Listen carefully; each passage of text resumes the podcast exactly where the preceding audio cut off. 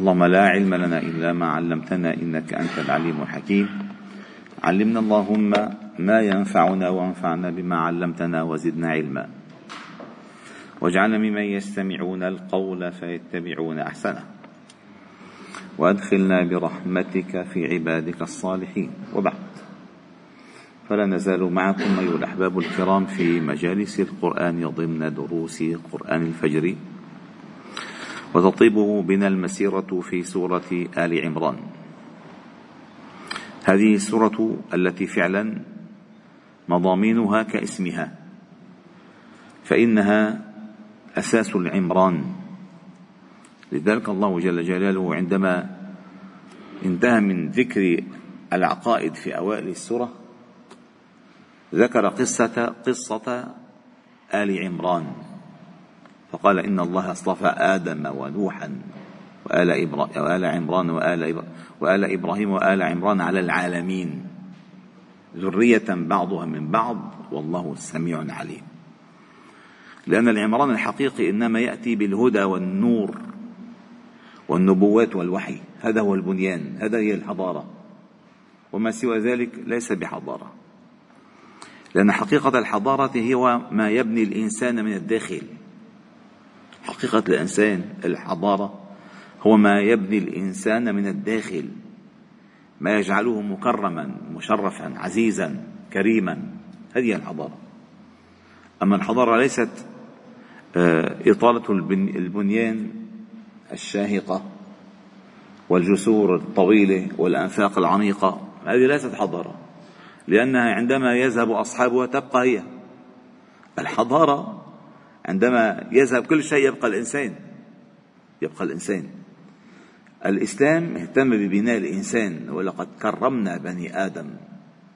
ماذا هي الحضارة فالعمران من هنا يأتي. من هنا يأتي العمران. ووصلنا إلى قوله جل جلاله إن الدين عند الله الإسلام وما اختلف الذين أوتوا الكتاب إلا من بعد ما جاءهم العلم. بغيا بينهم. ومن يكفر بآيات الله فإن الله سريع الحساب. وقلنا أن هذه الآية آية فاصلة جامعة مانعة. فالله جل جلاله المقبول عنده هو الإسلام فقط. ولا يمكن للإنسان أن يتقرب إلى الله تعالى بما يشرعه هو لنفسه. هذه قضية قضية عقائدية منهجية أساسية. احفظوها لا يمكن للإنسان أن يتقرب إلى الله بما يشرعه هو لنفسه بل يتقرب إلى الله بما شرعه الله تعالى له. فالحديث القدسي يقول من عاد لي وليا فقد آذنته بالحرب وما تقرب إلي عبدي بأحب إلي مما افترضته عليه فالمتقرب إلى الله هو مما فرضه الله. لا مما شرعه الإنسان. ثم بعد ذلك إذا أراد أن يزداد عند الله محبة يزداد محبة ما فرضه الله تعالى عليه يتنفل به أكثر. فرض الله عليه خمس صلوات يتنفل بعشر صلوات ب 12 صلاة يتهجد بعشر ب 11 صلاة. هذا اسمه يتقرب لذلك قال وما تقرب إلي عبدي بأحب إلي مما افترضته عليه ولا يزال عبدي يتقرب إلي بالنوافل حتى أحبه. فإذا أحببته كنت سمعه الذي يسمع به وبصره الذي يبصر به ويده التي يبطش بها ورجله التي يمشي بها ولئن سألني لأعطينه. ولئن استعاذني لأعيذنه.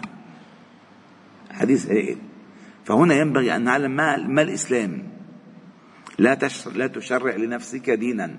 مهما كنت تراه حسنا. فما الله يراه الحسن هو الحسن. أنت لا تستحسن. والإمام الشافعي عنده مقولة جميلة. من استحسن فقد شرع. انه شيخي شو فيها حلوة منيحة. من من قال؟ من فعلها؟ أين هدى الله فيها وهدى الأنبياء فيها وهدى الصحابة الكرام فيها؟ أين؟ من استحسن فقد سرع. فلذلك لا ينبغي للإنسان أن يخترع شيئا يسميه دينا يتقرب به إلى الله إلا إن كان إن كان معتمدا على أصل ثابت. فالحديث يقول من أحدث في أمرنا هذا ما ليس منه ما ليس منه. الإنسان بده يصوم مثلا صام رمضان. طيب حب يصوم أكثر. بده يصوم ثلاثة أيام من كل شهر. نعم لك ذلك. كان يوم الخميس نعم لك ذلك. يحب أن يصوم يوم آه يوم لا. نعم لك ذلك. بده يصوم كل يوم. ليس لك ذلك. ما إنه زيادة. خير ما أحسن كترت ليس لك ذلك. يقول النبي صلى الله عليه وسلم لم يصم من صام الدهر. من صام الدهر لم يصم. ليش؟ لأن الصوم هو مخالفة النفس. وأحب الصوم إلى داود إلى الله عز وجل صيام داود. كان يصوم يوما ويفطر يوما. فإذا آه، آه، يعني آه، نفسك تعودت على الصوم ولم تتعود على الإفطار فالصوم بالنسبة لها إفطار. الصوم بالنسبة لها إفطار. فإنه أخر فقط الوجبات. تعود طول من عايش بيتروى قبل الفجر وبيتغدى عند المغرب. فما صام هو ما صام هسه ما صام. أما اللي بده يصوم والله معود يتروى الساعة 9 لا اليوم ما في 9 في تتسحر وبده يتغدى الساعة والتين لا ما في يوم. بدك تفطر على المغرب. هذا صام لأن خالف نفسه. فما صام من ما صام من صام الدهر. وأحب الصوم إلى الله صيام داود. هذا أساس. فمن أحدث في أمرنا هذا ما ليس منه. أما إذا كان منه أهلا وسهلا لك أن تصلي بالليل حتى يؤذن الفجر. لك أن تصلي. لك أن تصلي. ولكن لك ليس لك أن تشرع تشرع صلاة واحدة. ليس فيها أصل. من من من أحدث في أمرنا هذا ما ليس منه فهو رد. فالله تعالى قال هنا ومن يكفر بآيات الله فإن الله سريع الحساب. هذا تهديد واضح من الله تعالى لمن الحقائق أمام عينيه واضحة جلية وهو يكفر بها يكذب بها يحرف بها يلحد فيها. يكفر بآيات الله فإن الله سريع الحساب. ثم الخطاب توجه إلى النبي صلى الله عليه وسلم معلما إياه المحاججة. والمحاججة أيها الأحباب الكرام هي آه، سبيل الأنبياء. قال قال تعالى قل أتحاجونني في الله وقد هدان. وقال تعالى وتلك حجتنا آتيناها إبراهيم على قومه. حجة. هنا الله تعالى قال فإن حاجوك فقل. ماذا تقول لهم؟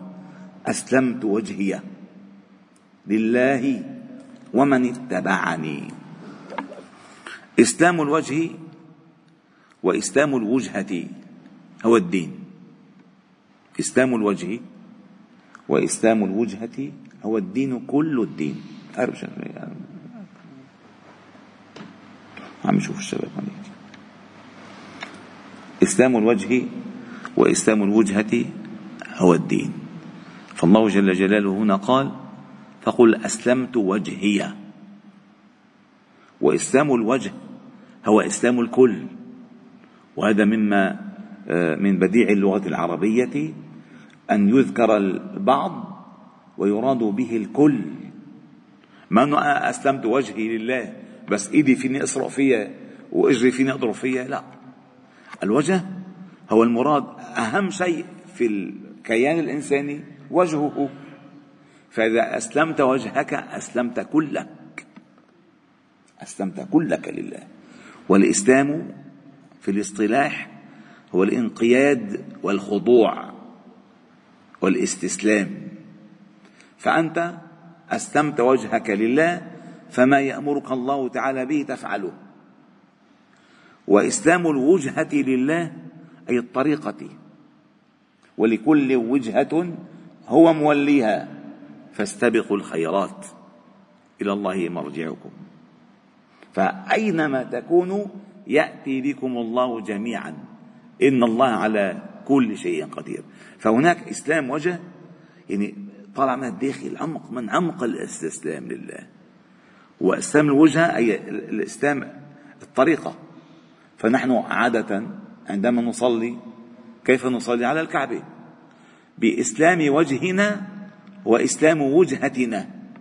فتقول في صلاتك الاستفتاحية وجهت وجهي الذي فطر السماوات والأرض. فأنت أسلمت أسلمت وجهك وأسلمت وجهتك. فهنا الله تعالى قال فإن حاجزوك جدلوك يمارونك فقل أسلمت وجهي لله ومن اتبعني عليه أن يسلم وجهه لله.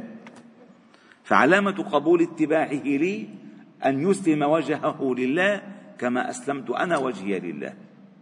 وقل للذين أوتوا الكتاب من اليهود والنصارى أأسلمتم؟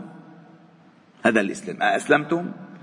بالطريقة التي أسلمت أنا به بها لله بإسلام الوجه وإسلام الوجهة لله. والأميين وقل والأميين أأسلمتم من الأميون؟ الكفار من أهل مكة. العرب يعني هؤلاء الأميون. أأسلمتم فإن أسلموا فقد اهتدوا. أي هم على الهدى. فإن آمنوا مثل ما آمنتم به هذا الأصل. أما إذا ما آمنوا هم على الضلال فقال فإن أسلموا فقد اهتدوا. لأن الهدى هدى الله. لا يستطيع أن يقول الإنسان هذا هدى من غير أن يكون من الله. قل إن الهدى هدى الله. وإن تولوا ما أسلموا فإنما عليك البلاغ. أي لا تذهب نفسك عليهم حسرات فقد أقيمت عليهم الحجة. ووصلهم النبأ. وجاءتهم البينة. فما عليك من حساب. إن إلينا إيابهم ثم إن عليك حسابهم ثم إن علينا حسابهم. لست عليهم بمسيطر. لست عليهم بمسيطر. أنت عليك أن تبلغ. أسلموا أسلموا. ما أسلموا؟ إياك. فلعلك باخع نفسك على آثارهم. إن لم يؤمنوا بهذا الحديث أسفا ما هو البخع في اللغة؟ من يعرف البخع؟ من يعرف البخع في اللغة؟ أبو عمر مين بيعرف؟ محمد مين؟ الانتحار. البخع هو الانتحار. أي قتل نفسك إهلاك نفسك. إن أنت تذهب نفسك قتلا لها أسفا عليهم إن لم يوم هذا الحديث. إياك لا تذهب نفسك. أنت عليك البلاغ وعلينا الحساب. أنت تبلغ والله يحاقب ويعاقب ويحاسب. قال فإن تولوا وإن تولوا فإنما عليك البلاغ والله بصير بالعباد. والحمد لله رب العالمين. سبحانك وبحمدك. نشهد أن لا إله إلا أنت. نستغفرك ونتوب إليك. وصل وسلم وبارك على محمد وعلى آله وأصحابه أجمعين. والحمد لله رب العالمين.